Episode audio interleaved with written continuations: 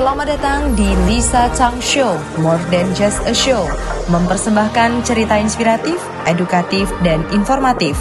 Diceritakan berdasarkan pengalaman dan pengetahuan dikupas secara eksklusif hanya untuk Anda. Sharing is caring, but it's more than that. Sharing is life changing. Welcome back to Lisa Chang Show. Di episode kali ini saya akan mengunjungi salah satu mat cukup ternama di kota Medan bersama dengan foundernya Richard Stanley. Halo. Selamat pagi. Pagi. Gimana sehat? Sehat, sehat. Sehat ya. Nih Richard udah kita kenal bahwasannya menjadi pribadi yang sangat menginspirasi untuk saya ya. Ya. Untuk saya dan teman-teman semuanya. Di usia yang sekarang baru 30-an tahun, tetapi sudah mem- bisa memimpin banyak sekali perusahaan. Ya. Dan itu bukan hanya skala kota Medan ya, Ya. tapi juga sudah merambah ke pulau lain. Ya. Mungkin boleh sharing gimana cerita awalnya Mhm. bisa membangun banyak bisnis. Ya dari ya pertamanya sih ah, kan apa ya dari ibu saya kan ada buka percetakan Mm-mm. kecil-kecilan lah dulu. Mm-mm. Jadi ya dulu kan di satu ruko. Jadi di bawahnya itu percetakan, di atasnya kita tinggal. Tapi ya dulu kecil-kecilan lah. Jadi kan ah, karyawan waktu itu kan nggak banyak. Mm-mm. Jadi ya kita harus ikut bantu. Mm-mm. Dari SD pun kita sudah asal Berarti dari SD sudah juga ikut turun tangan ya? ya, Uh. bantu tapi ya maksudnya bantu dulu Iya, bantu-bantu lah. bantu-bantu lah gitu dulu disuruh bantu itu bukan karena kita disuruh belajar bekerja bukan karena memang kurang orang gitu nah jadi ya semua orang saya dan kakak-kakak saya itu semua ikut bantu. Mm-mm. nah jadi waktu itu dulu mungkin aku kan merasa ih kawan-kawanku yang lain-lain semua masih apa main-main ya. Mm-mm. ada main-main. Aku ingat pas SD itu kawan-kawan masih banyak yang itu namanya bobok siang gitu ibaratnya ada tidur siang. siang. Ya, kita nggak kita asal pulang ya Kerja. harus bantu, Bantu, gitu ya. sampai malam-malam kadang Uh. ah, sampai malam gitu jadi waktu itu merasa eh kayaknya kok hidup kita ini kok kayak kurang beruntung ya gitu ya dibandingkan sama kawan-kawan yang lain gitu loh Mm-mm. Ah, jadi itulah seiring waktu ya kan kalau percetakan itu kan butuh yang namanya desainer ya. Mm-mm. Ya kalau istilah dulu tuh namanya tukang setting, Mm-mm. tukang setting. Jadi kan dulu kalau mau buat kartu nama, bon faktur atau apa itu harus ada tukang settingnya. Mm-mm. Jadi kan dulu ibu saya itu pak ya kan pakai apalah ibaratnya freelance lah kita bilang lah ya freelance gitu. Ya, Jadi freelancer. Freelancer ya tapi namanya juga freelancer kan ya itulah kadang deadline-nya atau apanya kan susah diatur. Kadang mau revisi aja mau berapa hari lagi, kadang de- de- sedangkan deadline sudah apa gitu loh. Iya. Jadi waktu itu ibu saya bilang ya, Richard kamu bela- kamu kok nggak belajar katanya gitu loh. Nah, jadi aku pasti pa- Belajar desain itu ya? Ya, jadi aku paling ingat pas aku masih SMP 1, Oke. SMP 1 ibu saya ada beli komputer Ha-ha. satu set lah aku paling ingat tuh harganya 10 juta waktu itu Uh, itu zaman tuh harusnya 10 juta udah mahal banget. Ah, ya itu pas zaman itu 10 juta itu oke sih menurut saya Iya. maksudnya nggak mahal nggak murah Murah sih banget, gitu Ja- jadi dari situlah ya aku belajar belajar loh gitu loh Hmm. jadi karena kan ya ah, dari situ ibu bilang ya ya udah sekarang kalau memang aku selama ini kan bayar ke orang sekian katanya gitu. Kal- jadi ibu saya motivasi juga kan.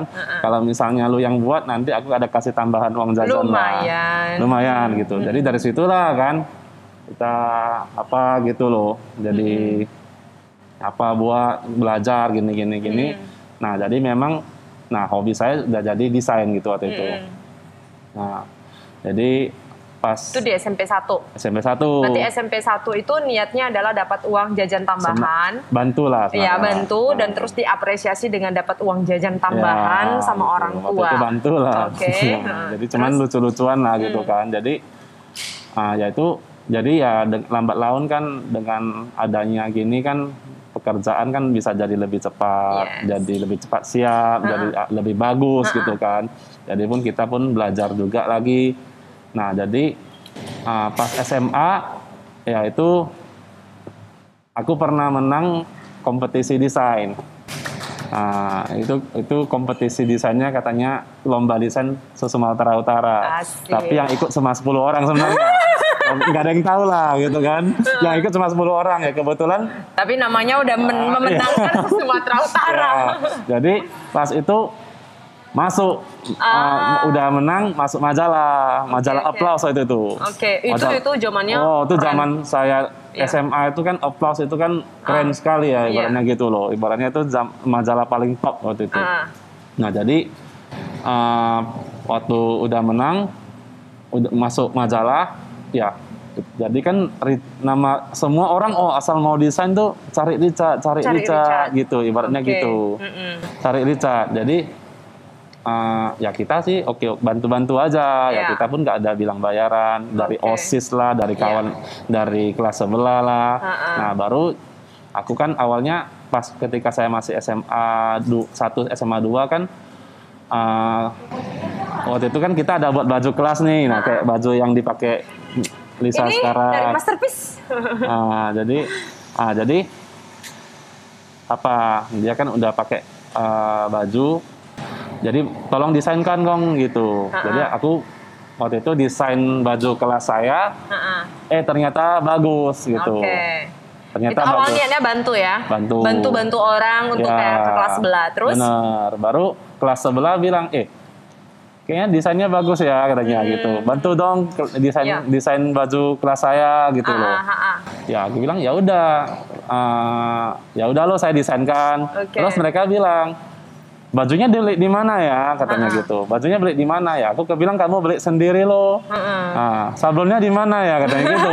Sablon Dan, sendiri ah, nanti, loh. ah, awalnya saya bilang ya udah kalau kamu nggak punya kenalan, saya bantu sablonin gitu loh. Oke. Nah, baru setelah itu teman saya jadi bilang, kenapa kok nggak kita sekalian sediakan aja? Jadi mereka kan nggak pening-pening lagi loh gitu. Benar, benar. Nggak pening-pening lagi. Nah, di situlah mulai mulainya. Ide bisnisnya Ya, ya. Oke. jadi dalam sekejap itu satu sekolah itu jadi buat sama kita gitu. Waduh, Nah, itu kelas SMA berapa? saya waktu itu SMA 2. SMA 2. Nah, tapi S kelas SMA 3, SMA 1, SMP 3 semua buat sama saya waktu Waduh, itu. jadi untuk level SMP dan SMA dan itu sekolahnya juga sekolah cukup ternama ya di Kota Ya, Medan. ya. Boleh saya bilang nggak setelah itu kapan kamu mulai dijadikan bisnisnya? Pada saat itu sudah sudah dijadikan Langsung dijadikan udah, bisnis udah per dijadikan SMA. bisnis. Sampai ya karena ini. saya sampai dan kawan-kawan kan sampai be- bagi bagi misalnya sa- Nah. kamu masuk kelas ini mau sebenarnya sampai buat sistem komisi sampai buat gitu apa gitu. Jadi secara instantly jadi benar-benar Dijadikan bisnis. ah dari terkenal lah gitu. Oke, hingga hari ini ya. Ya. Baik teman-teman di sini di Lisa Chang Show satu hal yang kita bisa pelajarin bahwasanya ketika awal memang niat kita Hmm. adalah membantu, di sini malahan bisa menjadi sebuah peluang bisnis. So, kalau memang kita mendapatkan kesempatan untuk bisa membantu orang, kali aja kamu bisa mendapatkan sebuah peluang bisnis yang tidak dapat Anda pikirkan. Salah satu cerita bagaimana cerita di belakang layar dari Masterpiece dan juga sekarang dikenal dengan buatbaju.com. Ya. Ya kan? Oke, this is the way that gimana 15 years, 15 tahun ya? Udah berapa lama sih? Udah ada 15 tahun Ya. Kalau sih? Mas udah ada 15 tahun. 15 Ya. tahun perjalanan ternyata dimulai dari anak SMA kelas 2 Ya. dan Bapak inilah Richard Ya. Stanley. Wuh. Setelah kita mendengarkan cerita gimana kesuksesan beliau membangun sebuah usaha yang saat ini tetap berkembang dan sukses selama 15 tahun, beliau juga sudah membukukan ceritanya di dalam sebuah buku pengusaha sukses check. Dan di dalam buku ini ada 10 penulis ternama. Mereka ini bukan hanya penulis atau pengusaha yang dikenal di skala Kota Medan saja tetapi juga seluruh Indonesia. Salah satunya di sini ada Indra Kesuma. Nah, untuk Anda yang pengen mendapatkan buku ini caranya mudah sekali. Anda cukup komen aja. Um, komentar terbaik sebanyak 20 orang akan mendapatkan hadiah satu buah buku dari Abang Richard Stanley. Dan untuk Anda yang di Kota Medan tidak perlu khawatir. Anda nanti boleh saja langsung klaim hadiahnya di K3 Mart ada Malik dan untuk di luar Kota Medan Babang Richard bakalan ngirimkan sampai ke rumah Anda. Jadi pastikan Anda dengarkan dengan seksama sampai di akhir karena Anda punya kesempatan mendapatkan satu buah buku pengusaha sukses check. Oke, ini buku pertama ya. Iya. Sih. Aku lihat dulu mana sih Richard, Richard. Oh, this is Richard, abang abang Richard Stanley. Oke, kalau kita ngomong uh, tentang bisnis ya, Ya. bisnis yang dijalankan kan bukan hanya masterpiece itu sekarang pusatnya di Bandung ya. Ya, Pusatnya di Bandung, tapi operasional juga ada di Kota Medan. ya dan Jakarta juga. Oke, berarti Bandung, Jakarta, sama Medan. Medan. Iya. Selain dengan bisnis ini juga saya dengar ada beberapa lini bisnis yang lain. Ya, Salah satunya itu adalah bisnis yang bergerak di bis- eh, bisnis agraria. ya. Itu juga ada di Pekanbaru. ya. Mungkin boleh diceritakan Medan, Medan, Medan, Medan dan Pekanbaru. Gimana ceritanya udah buat baju ini kan di bidang Ya. em, industri tekstil. Terus Ya. tiba-tiba kenapa kembangkannya di bidang agraria?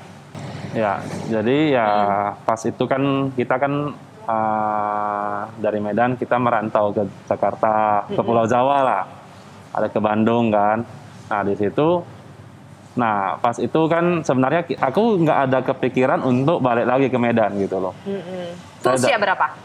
Itu usia 19 atau 20 tahun lah ya. Gila abang ini 19-20 tahun orang duduk masih minum. Nah, 20 tahun lah kita duduk, bilang. Duduk happy-happy gitu tapi dirimu sudah Ya. luar biasa. Hmm, Terus Jadi uh, kebetulan pas itu ada ada sedikit masalah di Medan gitu, ada sedikit masalah di masterpiece Medan kan. Mm-mm. Jadi yang mengharuskan saya balik gitu. Oke. Nah yang mengharuskan saya balik. Jadi ya pas itu saya balik apa kan, terus ada uh, paman saya kebetulan memang di bidang ini dia sudah pengalaman ya beberapa puluh tahun juga gitu. Dia bilang, yuk kita buka perusahaan di Medan gini gini gini gini ya kan. Ya kita join lah kira-kira gitu. Usia 20 tahun. Ya sekitar 21 tahun lah waktu itu lah ya kan. Nah, jadi yuk kita mulai up, join lah gini gini gini. Ya aku pikir ya oke aja gitu. Jadi misalnya nggak mikir terlalu banyak sih gitu. Kayaknya Ya kamu kalau buat bisnis gak banyak mikir ya. Dibilang apa oke aja gitu. Ya, jadi kalau aku prinsipnya kita jalanin dulu baru mikir. Kalau mikir dulu baru jalanin, ujungnya nggak dijalan-jalankan.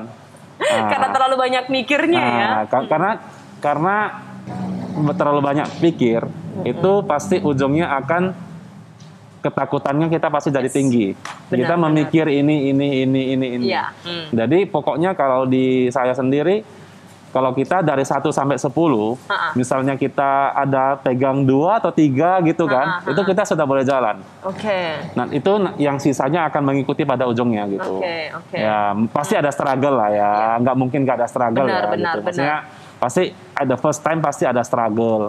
Tapi ya kalau kita sudah overcome, pasti Hmm. ada setelah ada waktu overcome itu, ya pasti ya dia akan apa juga kira-kira Hmm. gitu. Oke, berarti kalau di awal itu kan bisnis em, buat tek- eh, bisnis tekstil ini kan karena juga memang dari orang tua awalnya kasih kesempatan kamu belajar, terus dapat kesempatan bangun bisnis ini di Ya. zaman SMA. Ya, itu benar. palingan di usia 15 tahun lah ya kita bilang. Ah, 16-17 Lima, lah. ya, 16 17 Ya. sudah bangun bisnis yang pertama, di Ya. usia 21 bisnis yang ke Dua. kedua Ya. dan itu adalah bisnis yang sekarang juga masih tetap bertahan. Ya. Bahkan berkembang sampai Pekanbaru. Ya. Oke, dan kenapa memilih bisnis agraria? Jawabannya karena memang diajak sama pamannya aja. Ya.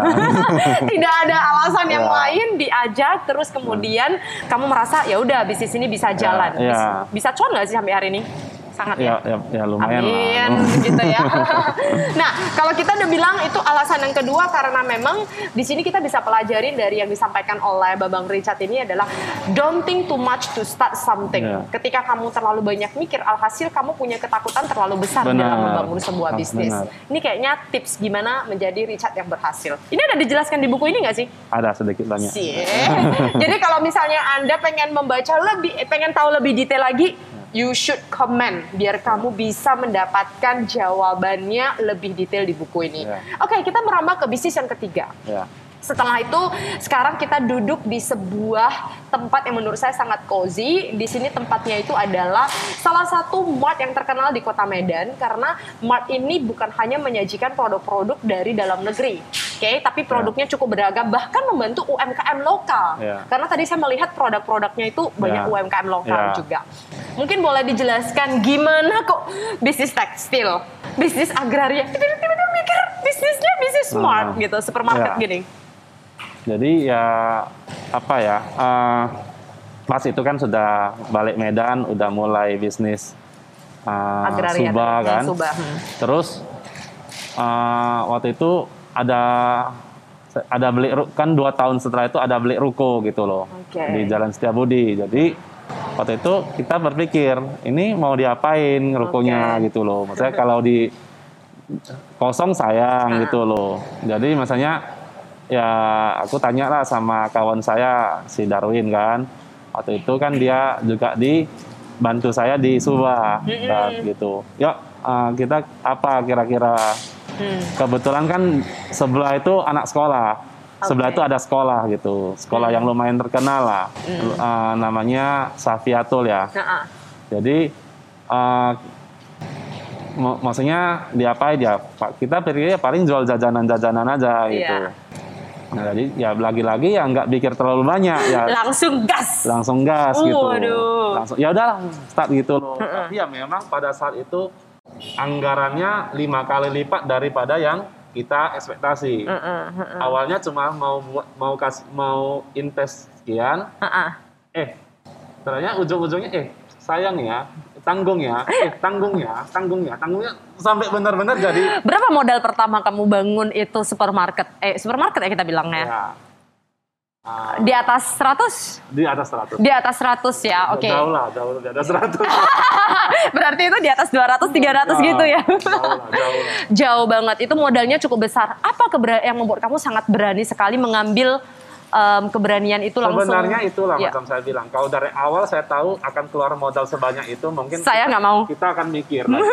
Tapi ternyata ki- kita udah terjun, Oke. kita udah nyemplung di dalam.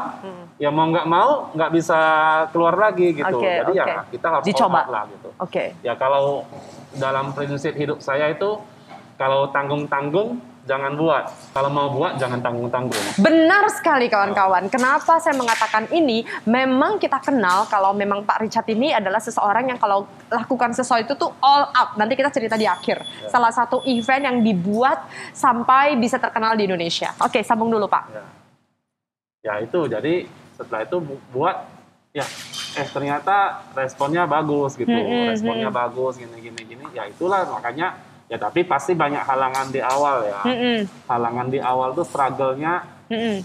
luar biasa sekali. Bisa dibilang untuk bisnis ini ya struggle-nya luar biasa lah gitu Oke. ya jadi ya pernah kita sampai kebakaran Hah? Di Setiabudi? ya um, uh, gen- da- ruangan gensetnya Oh, ruangan gensetnya. ruangan Oh. gensetnya sampai pernah ada kerusuhan ormas di situ Waduh. sampai kacanya apa Itu gitu. umur berapa kamu jalani bisnis itu? waktu itu umur 24 ya Oke, 24 karena kita tahu kan ya kan bahwasanya usia 24 kamu bangun bisnis itu Ya. bersama dengan rekan kamu tapi ternyata tidak semulus seperti bisnis Ya. pertama dan bisnis kedua ya. semua pun tidak mulus sih Oke. Sem- semua bisnis itu tidak kalau ada peribahasa China itu one search nan itu Oke. artinya apa itu Pak?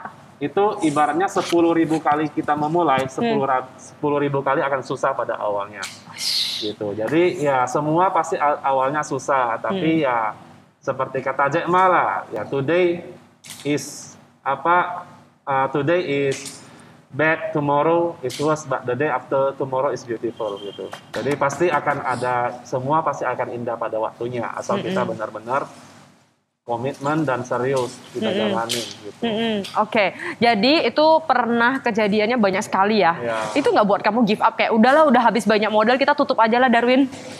Nah itu makanya aku sih pada prinsipnya orang aku ini orangnya agak getol ya. Aku ini pantang menyerah banget. gitu. Memang kok Richard kami tahu kamu seperti itu. ibaratnya kalau saya udah apa sangat jarang saya tutup gitu loh. Ibaratnya kayaknya ya kita harus kalau nggak bisa lobang ini lobang ini nggak bisa lobang ini lobang ini Ha-ha. lobang ini bahkan sebenarnya kayak Katigamat ini dari awal sampai sekarang sudah memilih sudah transformasi beberapa kali sebenarnya loh Oke. sudah t- dari konsep bisnisnya itu udah transformasi beberapa kali Dan ini yang paling jelas yang kamu rasa paling the best. ya ini yang belum The belum best ya. belum Masih tentu, lagi. pasti masih bisa lagi Transformasi lagi. pasti karena transport karena sekarang perkembangan zaman sangat Benar, cepat benar. kita nggak bisa stay di satu konsep terlalu lama gitu. Kita benar-benar harus adaptability kita harus tinggi. Mm-mm, mm-mm.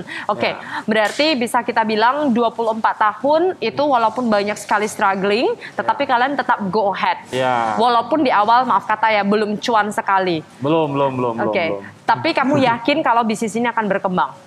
Ya, karena menurut saya seperti kita kalau menanam menanam apa ya, misalnya kalau kita tahu pohon sawit kita bilang gitu, sama jagung. Kalau aku tanya orang, selalu "S- kamu apa petani sawit sama petani jagung mana yang lebih kaya gitu. Hmm.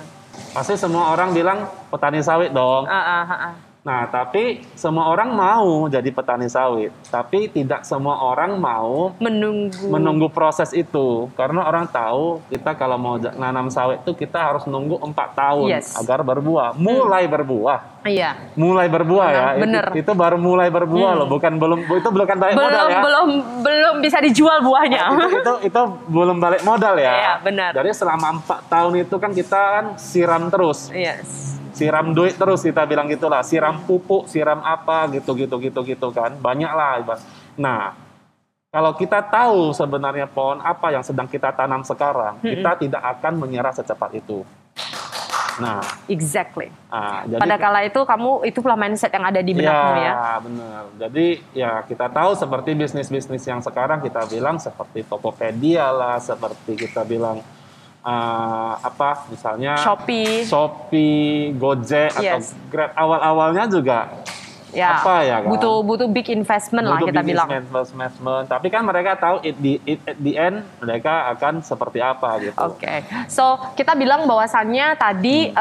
um, Ko Richard mengatakan bisnis yang ketiga ini dimulai usia 24 tahun. Ya. Itu dengan modal yang paling besar dibandingkan dengan bisnis sebelumnya. enggak, Dan enggak juga lah. Oh iya, nggak juga ya. Aduh, salah saya kaprahnya ya abang-abang. Abang Ya. Richard kalau ngomong angka dikurangi dikit, dinaikkan dikit gitu. Yang jelas di bisnis yang ketiga ini dia terkejut batinnya banyak. Banyak sekali em, hal-hal di luar prediksi terjadi, Ya. tapi karena tahu bahwa bisnis ini akan berkembang dan terbukti sekarang K3 Mart, K3 Mart sudah memiliki berapa cabang Pak? Delapan. di kota Medan Ya. dan hampir tersebar di uh, berbagai sudut kota Medan. Salah satunya hari ini kita berada di K3 Mart ada Malik. Dan ini dibuka dari jam 8 pagi dari tadi saya lihat tetap rame. Baiklah untuk um, Richard, kalau udah ngomong dari perjalanan ketiga bisnis ini, next ada rencana bangun bisnis lagi nggak sih? Saya dapat spoiler dulu. Ya apa ya? Life is like a box of chocolate. Is it? We Oke. never know what we, what we gonna get sih. Jadi ya kita nggak tahu ya. Sebenarnya ya macam saya bilang semua bisnis yang saya lakukan sekarang ini aja tidak ada yang kita prediksi di awal gitu. Benar. Nah semuanya ya life just go on aja. Jadi yang pasti ya kita tetap lakukan yang terbaik. Kita harus uh, jaga kepercayaan orang. Benar. Ah, ibaratnya kita harus dicap sebagai orang yang benar-benar jujur, Yes. benar-benar bertanggung jawab. Pasti banyak lah yang orang pasti akan nawarin peluang gitu. Ya Iya. terus terang banyak juga yang ada beberapa nawarin nawarin ke saya gitu. Tapi Oke. kan saya pasti harus Kayaknya makin makin berusia makin mikir ini.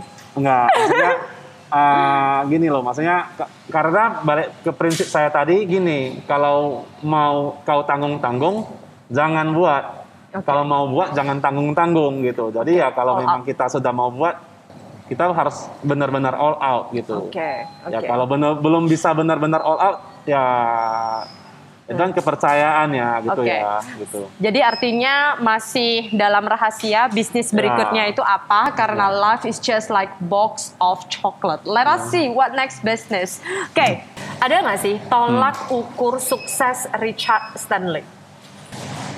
Ya, tolak ukur sukses itu bagi orang kan pasti relatif. Yes, Ya, beda-beda lah. Mungkin aku sama kamu pasti sudah berbeda Benar. gitu tolak ukurnya gitu. Kalau aku sih eh, lebih ke apa sih impact yang sudah saya berikan kepada orang gitu. Impact ya, bukan duit ya ibaratnya Iya. gitu. Impactnya apa sih kira-kira gitu? manfaat lah ya Ah, kepada man- orang lain. Jadi ibaratnya ya aku pernah apa sih eh, pokoknya ka- ketika saya mati nanti ya kalau berapa orang yang benar-benar mena- datang dan berdoa dan menangisi kita, nah, itulah mungkin tolak ukur suksesnya lah.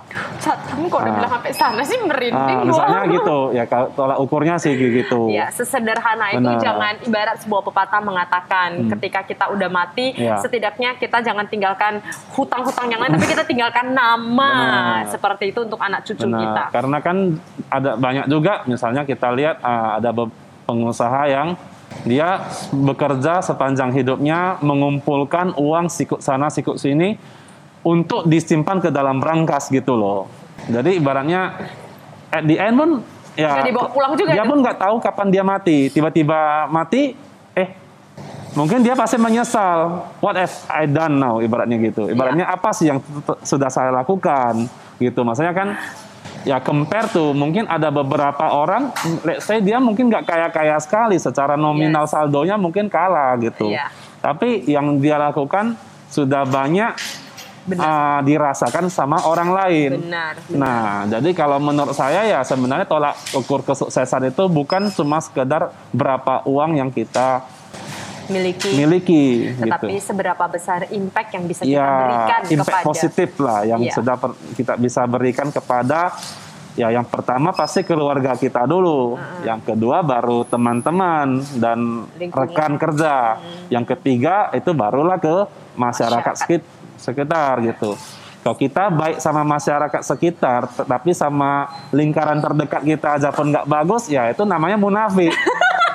itu namanya munafik, itu benar. namanya kan munafik gitu Yes. loh. Ah, lu sama isi lu sama sono gini-gini lu sama gini aja pun nggak apa Iya. gitu. Tapi ya kalau kita sudah ah, dengan lingkaran terdekat kita, kita sudah melakukan yang terbaik, Ya. ya barulah kita ke yang lain gitu. Oke. Jangan terbalik-balik gitu. Ah, di masa COVID ini kan kemarin sempat heboh ya di Indonesia. ya. COVID-19 tuh naik terus, Ya. oke angkanya. Terus kemudian Hmm. em, saya mendengar bahwasannya Richard sibuk meningkatkan sebuah virus kita kenal Hmm. dengan virus kebaikan. Dan apakah pada kala kamu melakukan event yang memberikan em, warung Medan Peduli itu yang Hmm. Ya. kamu pakai kan, Ya. ya kan? Apakah itu adalah merupakan satu hal yang ingin kamu lakukan kepada orang banyak? Apa yang membuat kamu juga melakukan hal tersebut? Ini kebetulan dari kemarin belum sempat nanya, pengen Ya. nanya langsung. Ya, sebenarnya pada saat ini kita bilang sekitar sebulan lalu lah ya.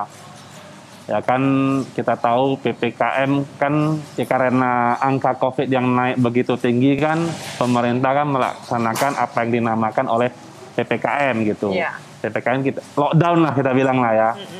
Jadi ya Nah, Kak, cuman kali ini menurut saya agak berbeda dengan tahun lalu ketika awal-awal baru lockdown. Kalau awal tahun lalu itu orang masih di awal-awal. Mungkin tabungan mereka itu masih ada loh. Ini sudah berlanjut satu te- setengah tahun. Nah, pasti kalau kita bilang secara napas, ini napasnya udah mulai Seginilah. ah ibaratnya udah jatuh di timba tangga lah kita Iya. bilang gitu jadi ya pada saat itu ya saya dengan teman-teman yang lain juga berpikir ya yuk kita lakukan sesuatu gitu loh maksudnya kadang ini gini kalau kita sudah men-trigger memulai pasti banyak yang akan ikut gitu Benar, benar. Hmm. itu pasti banyak yang akan ikut. Ya, karena kita juga percaya bukan cuma corona saja yang bisa menyebarkan virus, tapi kebaikan juga itu bisa disebarkan gitu. Nah, jadi itulah kita waktu itu kepikiran untuk membantu warung-warung atau pedagang kecil. Ah, jadi daripada kita ngasih-ngasih uang aja atau gimana kan lebih baik kita kan belanja dagangannya untuk dibagikan lagi kepada masyarakat masyarakat sekitar Ya. yang membutuhkan gitu. Nah, itu kan itu kan lebih mendidik ya, ibaratnya gitu ya. Itu kan lebih mendidik gitu. Karena kan ya memang uh, tidak banyak satu warung kita belanja paling 50 bungkus, tapi kan mereka juga merasa eh di saat saya seperti sekarang ini masih banyak yang care sama saya loh, kira-kira gitu. It's not that money that counted, tapi it's the heart that counted gitu. Jadi ya kita tahu ketika kalau kita bilang di saat sekarang, di saat bul- sebulan lalu, itu kalau misalnya tidak diantisipasi dengan baik itu bisa ada gejolak sosial. Benar. Itu ada gejolak sosial. Kenapa? Ya karena di pada pada saat itu ya orang mau berusaha pun tidak boleh katanya gitu loh. Itu ya sudah apa ya? Ya mungkin bagi-bagi orang yang uh, mereka yang merasakan pasti merasa tidak fair ya gitu ya. Aku bukan jualan narkoba katanya gitu. Kenapa aku kok harus di ditangkap sampai dibawa ke apa gitu Iya, loh. Ya tapi ya mungkin yang dilakukan pemerintah juga sebenarnya tidak salah gitu. Ya ya itulah mungkin ya kita, waktu itu kita berpikir ya jangan kita selalu mengharapkan apa yang bisa diberikan pemerintah terhadap kita. Ya kita harus berpikir apa yang kita harus lakukan untuk membantu pemerintah gitu loh. Ya ya karena kalau ada apa seperti yang kata John F Kennedy, don't ask what your country have done to you, but ask what you have do to your country gitu. Jadi ya kita harus lakukan juga hak kita gitu ya. Jadi ya itulah ternyata aksi ini secara instan dan secara spontan, wah banyak sekali donatur gitu. Iya, Ba- dalam seminggu dalam itu. ah, dalam seminggu sudah satu miliar gitu. Itu pun kita stop ya. Iya. Itu pun udah kita stop loh. Banyak sekali yang mau apa, mau menyumbang. Kita bilang nggak usah melalui dari sini. Kamu bisa lakukan sendiri gitu loh. Ya kan? Aku nggak harap gerakan ini menjadi yayasan atau organisasi yang membesar. Enggak. Ini cuma trigger aja. Sama seperti virus corona. Mm. Mungkin banyak yang sudah lupa sih virus corona ini berasal dari kota mana, negara apa, dan dari apa gitu loh. Tapi yang pasti sekarang virus ini sudah mendunia gitu. Iya. Dan sudah mempunyai varian-varian baru, varian Delta, varian Lambda. Ya, se- seperti itulah jalannya virus kebaikan itu.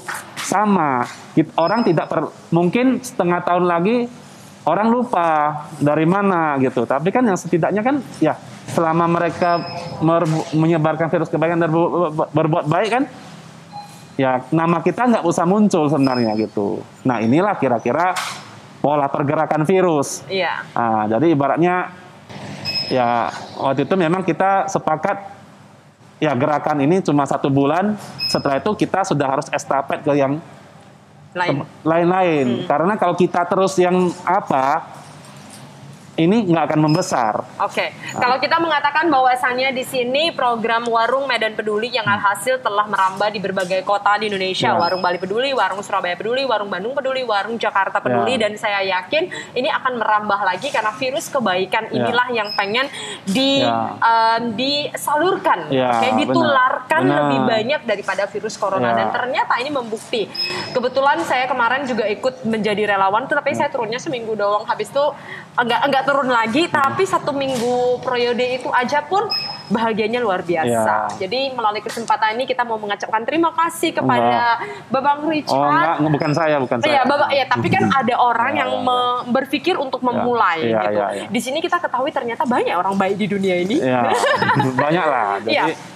nah memang uh, zaman sekarang ya, kalau berbuat baik itu kita kalau mungkin dulu gini, kita berbuat baik tangan kanan memberi, tangan kiri itu diam. Kalau untuk sekarang berbeda, tangan kanan memberi, tangan kiri harus memberi inspirasi, tangan kiri harus mengajak tangan-tangan yang lain agar ikut memberi. Nah, ini kan zaman sosmed loh. Daripada di sosmed kita selalu lihat berita yang seram terus, angka Covid udah naik berapa, siapa gini gini gini kan, itu kan seram terus. Daripada Benar. kita hidup dalam ketakutan kan lebih baik kita menyebarkan berita-berita yang positif. Eh, Benar. ternyata banyak ya orang baik, ternyata ada banyak. Nah, inilah yang men-trigger semua-semua orang agar ikut menjadi berbuat baik Iya. gitu. Bisa saya bilang nggak sih kesuksesan terbesar kamu itu pada kalamu melakukan event ini nggak sih? Ya, bisa dibilang satu Salah satunya. salah satunya eh, satu bulan ini adalah salah satu bulan terpanjang dalam hidup saya. Ibaratnya, apalagi satu minggu di awal, wah itu panjang sekali. Tapi ya kita puas lah gitu lah. Hmm, Ya balik-balik kita puas. Ya kit- aku pun intinya kita nggak mau klaim ini adalah punya siapa. Kita Iya. nggak mau apa. Pokoknya ya Yang Ah. penting virus ini sudah Benar. tertular kepada Anda. Itu Iya. berharap dari Babang Richard karena Iya. dia juga sangat senang ada orang buat walaupun menggunakan apa namanya Iya. tapi yang penting dia juga udah melakukan virus kebaikan. Iya, yang penting kan semua intinya kan gini, satu orang sikit sikit sikit sikit berbuat, eh itu efeknya besar. Iya. Itu efeknya sudah besar dan ya itu ya ba- masyarakat masyarakat itu pun sebenarnya semua yang memberi sebenarnya pada dasarnya adalah orang baik. Yes. Yang diberi pun semuanya adalah orang baik sebenarnya. Nah, jangan karena keadaan yang sangat memaksa situasi yang tidak apa itu membuat mereka jadi orang jahat Iya. Karena tidak se- semuanya pasti baik ya. Siapa sih yang mau buat apa gitu. Iya. Tapi kadang ada sebuah situasi mereka sudah terdesak sampai gimana ya. tidak memiliki harapan lagi Iya. sehingga mereka harus melakukan hal-hal yang di luar daripada nalar seorang manusia. Benar. Karena Babang Richard selalu mengatakan pada dasarnya semua manusia itu baik. Baik. Dia selalu mengatakan itu ya. Iya. Oke, kalau itu kita bilang tolak ukur kesuksesannya adalah selama kita bisa memberikan impact. Selama perjalanan hidup kamu membangun bisnis juga Hmm. deh. Pernah nggak sih merasa ini titik kegagalan terbesar kamu yang membuat kamu kenapa hidup aku harus begini sih? Karena dari tadi kan bahagia terus Iya, yang iya, aku dengar iya, ya. iya, Ada iya. pernah nggak di titik yang kamu rasa seperti itu? Ya pernah sih. Eh, ya tapi ya aku pas itulah awal-awal eh, buat bisnis baju ya Mas Service ya. Ya kita tahu sih bisnis ini kan bukan juga bukan tanda kutipnya duitnya gede ya kita beda-beda. Untungnya bukan Cuan tipis lah. Ah, maksudnya pun kerjanya kan capek gitu. Waktu itu saya sekitar dua tahun, tiga tahun, tiga tahun lah kan. Saya kumpul-kumpul duitnya, saya nggak berani beli apa-apa gitu. Uh, oke. Saya beli baju pun nggak apa beli apa makan enak pun kita hemat-hemat. Terus masuklah ke namanya saham gitu loh. Ah, Jadi awalnya coba sedikit, untung, hmm. udah untung ya hantam semua gitu loh. Semua tabungannya kamu hantam. Iya, ya aku memang terlalu gila sih waktu itu. Jadi Ini ini sem- bah- ini all up-nya keluar semua. ya all out memang. Saya waktu itu all out.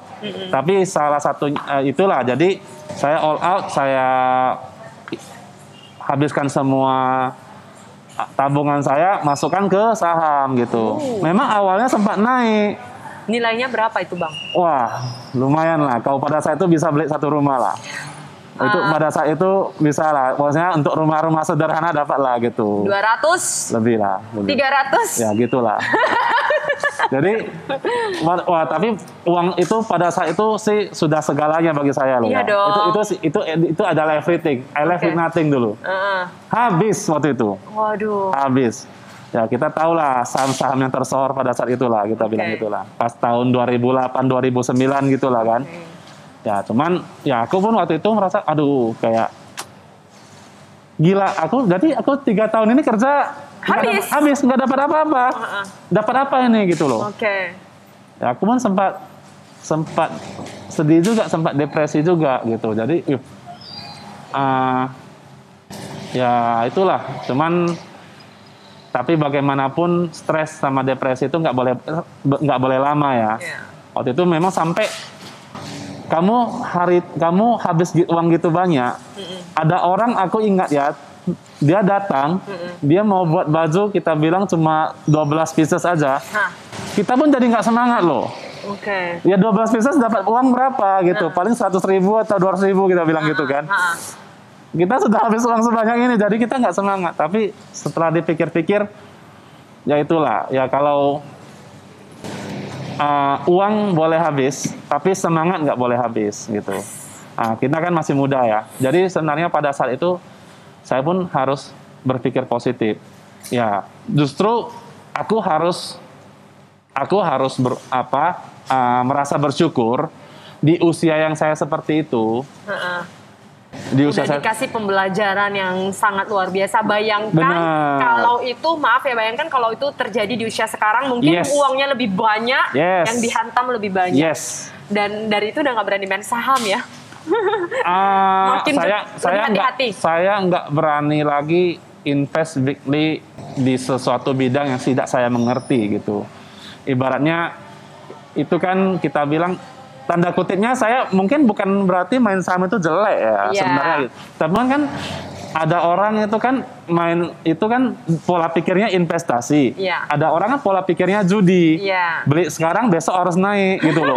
Jadi kan kita waktu itu pik- pola pikirnya kita kan judi. Oke. Nah, ibaratnya ya intinya sejak saat itu saya nggak pernah lagi masuk ke dalam yang tanda kutipnya judi gitu loh. Oke, oke. Ya judi lah, judi online lah, entah saham lah, entah entah yang se- a- a- bukan saham yang si- sifatnya judi ya, Iya. bukan saham yang apa ya gitu ya. Sesuatu yang menjanjikan, yang kayak menjanjikan sesuatu tapi tidak masuk akal Ya, gitu ya. good to be true kita bilang gitu. Iya, iya. Good to be true gitu. Apa yang bisa membuat kamu itu kan depresi banget tuh, Iya. udah habis semuanya. Itu Hmm. aku udah ngebayangin tuh Richard kayaknya pagi bangunnya udah kayak sedih banget, udah kayak hopeless lah. Iya. Kapan titik membuat kamu rasa, oke aku udah nggak boleh begini nih? Ya, waktu itu kan saya uh, saya ingat saya pernah jadi relawan juga di Cuci ya, Oke. mm-mm. di Cuci ya jadi ya apa uh, jadi survei kasus lah kita bilang lah masuk ke rumah-rumah di gang-gang kecil gitu kan. Eh ternyata kita lihat-lihat ternyata masih jauh banyak yang lebih Membutuhkan. membutuhkan atau Hidupnya ah, lebih. tidak tidak seberuntung kita gitu loh walaupun kita nggak kita sendiri juga bukannya hebat-hebat amat tapi masih banyak juga yang lebih punya cerita-cerita yang lebih menyedihkan lagi. Iya. Nah, kadang di situlah yang membuat kita ah ternyata kan saya ini masih belum ada apa-apanya dibandingkan dengan mereka. Iya. Ya masa aku menyerah sih. Ini kan usia saya masih muda sekali gitu loh. Jadi ibaratnya ya kalau ya uang habis bisa dicari. Asal jangan mental habis itu susah lah dibangun Sus- dibangun iya, lagi. dibangun Nah, kembali. jadi kita jadi ya oke kita start lagi gitu.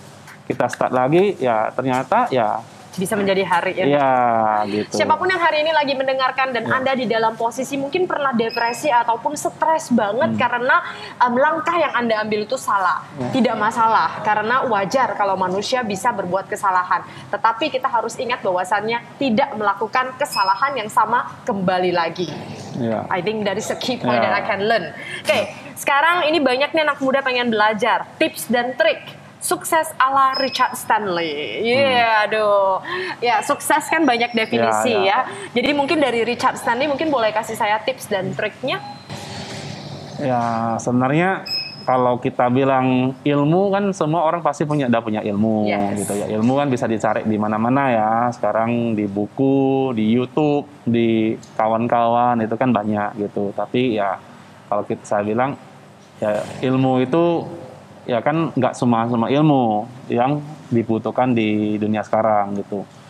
Ya setengahnya lagi itu ada namanya kita bilang faktor X ya Yes. faktor X inilah yang kadang orang agak sering abaikan gitu. Orang terlalu fokus terhadap ilmu-ilmunya tapi tidak kadang lupa terhadap faktor X ini. Ya, faktor X ini adalah sebenarnya faktor langit kita bilang gitu. loh. Oke. Faktor langit itu gimana gitu. Jadi ya ya pertama ya pasti terhadap orang yang paling berjasa sama kita.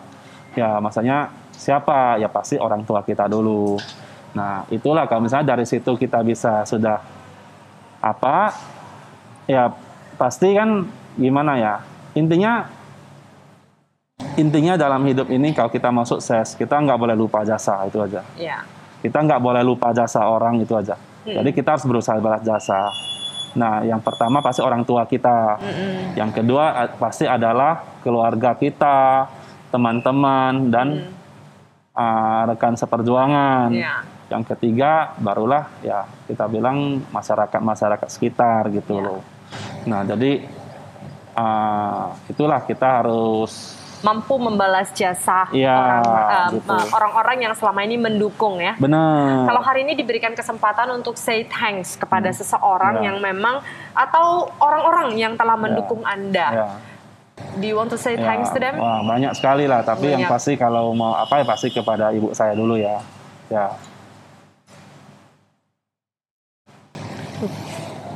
Tapi Richard. ya pasti kepada ibu kita dulu ya. Ya. Hmm.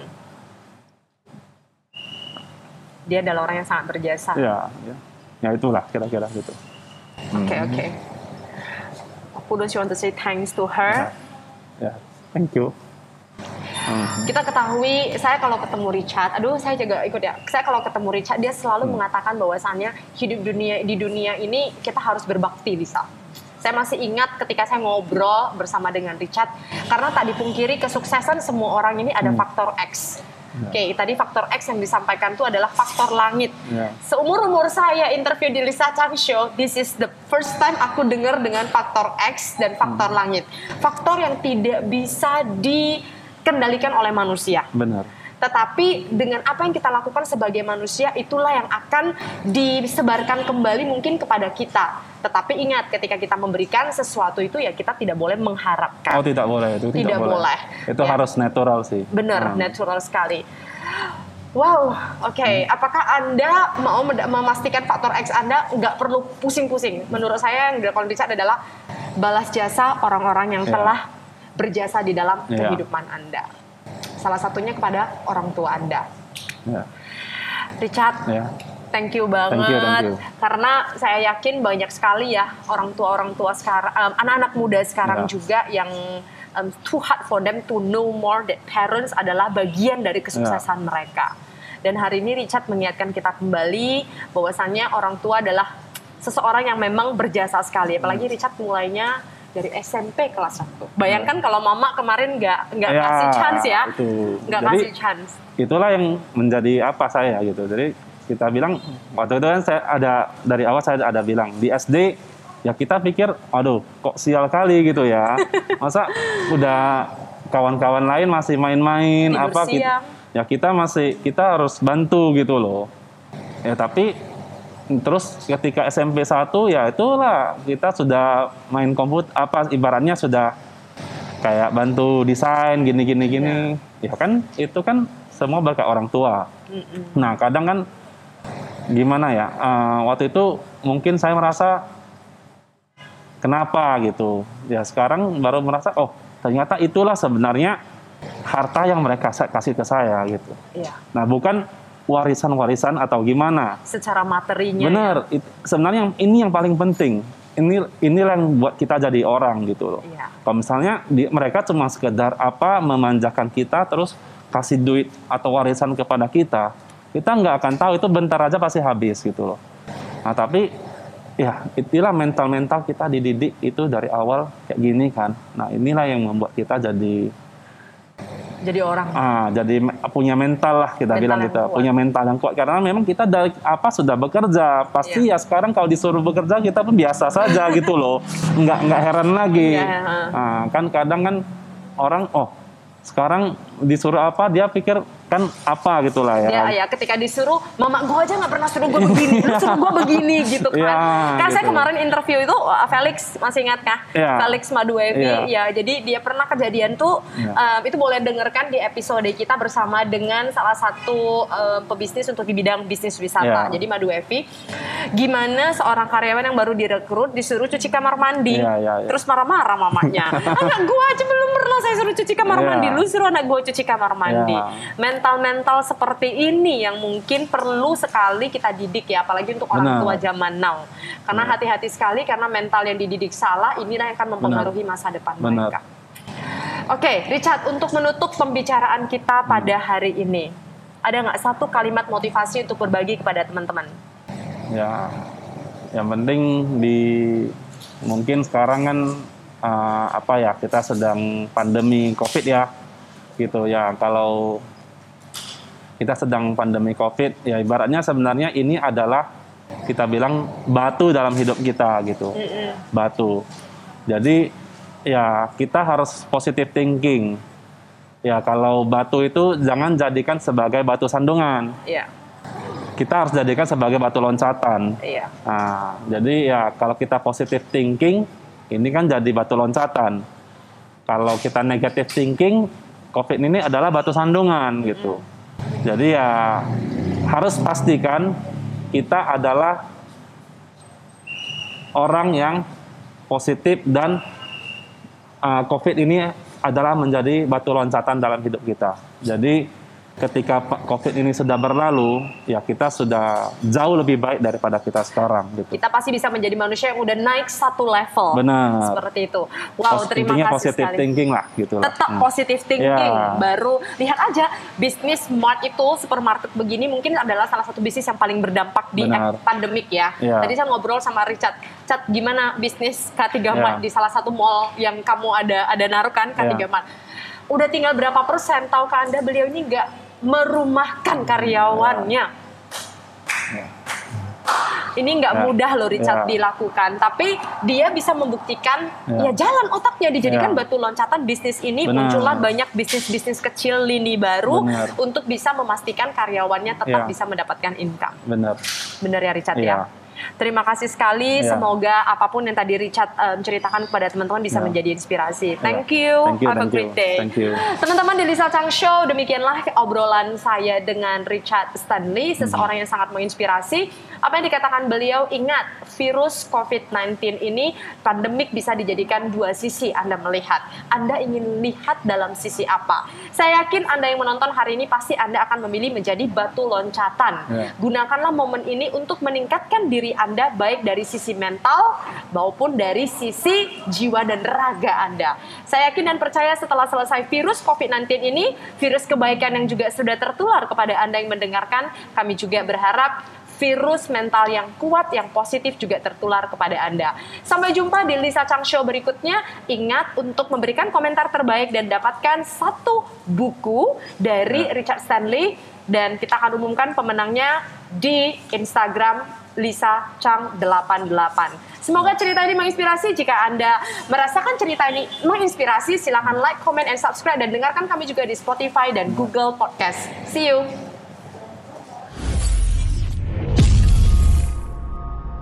Sharing is caring, but it's more than that. Sharing is life changing.